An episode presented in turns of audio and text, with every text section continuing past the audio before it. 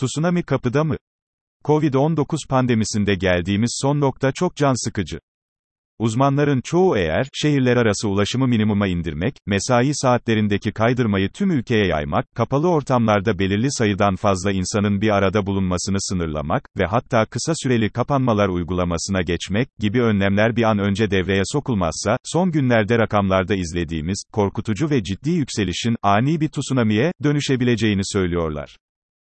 Üzülerek belirteyim, iflah olmaz iyimser, olarak bilinsem de, ben de muhtemel bir tsunami'nin, patlamak üzere olduğu düşüncesindeyim. Nedeni şu. Son bir ayda ağır hasta sayısında, %50'leri, ölüm oranlarında %55'leri bulan bir artış var. Ve bu artış muhtemel bir tsunami'nin işareti gibi görünüyor. Kısacası, içinde bulunduğumuz şu günler çok önemli ve dikkat kesilmemiz gereken zor günlerdir. Konsantrasyonumuzu yitirmemeli, tedbirleri asla gevşetmemeli, süreci bir çeşit toplumsal işbirliği içinde yönetebilmeliyiz. Kötü haber. Covid-19 akıl sağlığını da bozabiliyor. The Lancet Psychiatry dergisinde yayımlanan yeni ve önemli bir çalışma, COVID-19 geçiren kişilerin yaklaşık beşte birinde kaygı, depresyon ve uyku bozukluğuna rastlanabileceğini gösteriyor. Söz konusu araştırma, Oxford Üniversitesi'nde, İngiltere, Profesör Dr. Paul Harrison'ın öncülüğünde yapılmış. Dr. Harrison'a göre, elde ettikleri sonuçlar çok önemli. Bu sonuçlara bakılırsa, COVID-19'a yakalanıp iyileşen kişilerin akıl sağlığı bakımından uyanık olmalarında fayda var. İyi haber. Moderna'da sıraya girdi. BioNTech'in geliştirdiği aşıyı hemen takiben, ikinci bir iyi haber de, ABD'li firma Moderna'dan geldi. Moderna yetkilileri, yaptıkları açıklamada, ürettikleri aşı ile elde ettikleri sonuçların, mükemmele yakın olduğunu belirtiyor. ABD'nin aşı konusunda, bir numaralı otoritesi kabul edilen ve aynı zamanda Beyaz Saray'ın başdanışmanlığını da yürüten Dr. Anthony Fauci de, Moderna'nın koronavirüs aşısının gücüne inanıyor ve bu aşının da onaylanmak üzere olduğunu teyit ediyor. Doktor Fauci, geçenlerde yaptığını bir konuşmayı ise, süvari geliyor ama siz silahlarınızı sakın indirmeyin, şeklinde bir uyarı ile tamamladı. Yani Doktor Fauci de, maske, mesafe, hijyen demeye devam ediyor. Bir soru. Kumaş maskeler daha mı etkili? Amerika'da faaliyetlerini sürdüren, Hastalık Kontrol ve Önleme Merkezi, CDC, güncellediği yeni kılavuzunda bez maskelerin, kişisel koruma için filtreleme sağladığı bilgisine yer verdi. CDC'nin güncellenmiş yeni kılavuzuna göre, bez yüz maskelerinin hem kullanıcıya hem de etrafındakilere, fayda sağlayan iki yönlü bir koruma temin edebileceği anlaşılıyor.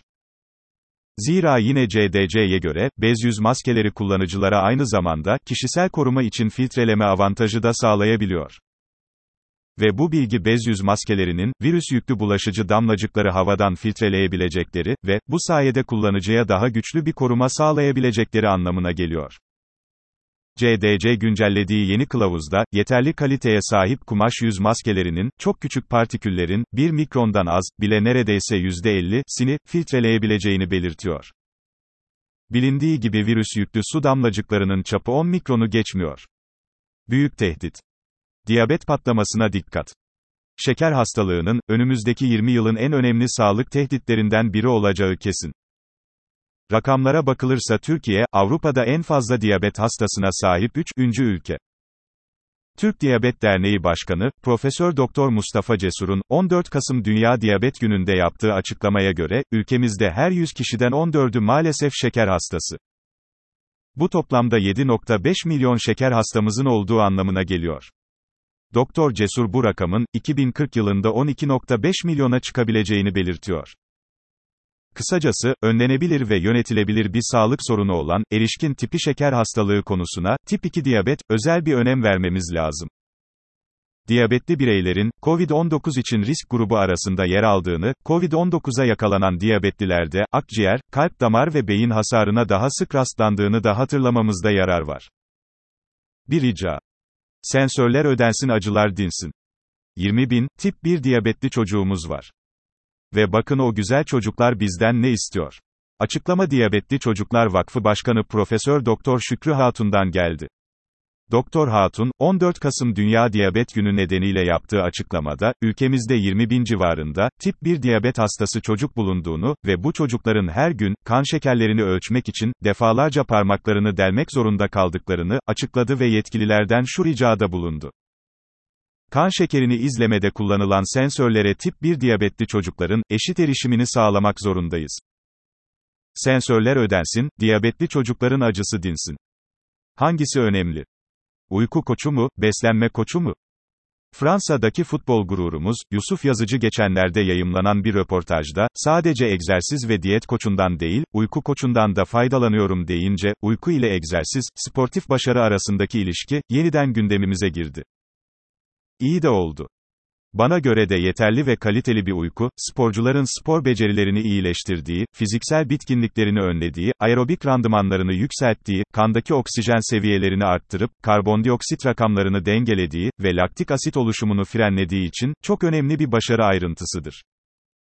Ayrıca net ve açık olarak biliniyor ki, iyi bir gece uykusu sakatlanma riskini de minimuma indiriyor. Kısacası, Yusuf Yazıcı kardeşimiz, çok önemli bir ayrıntıyı yeniden gündeme getirdi. İyi bir gece uykusu, sportif başarının da vazgeçilmezlerindendir.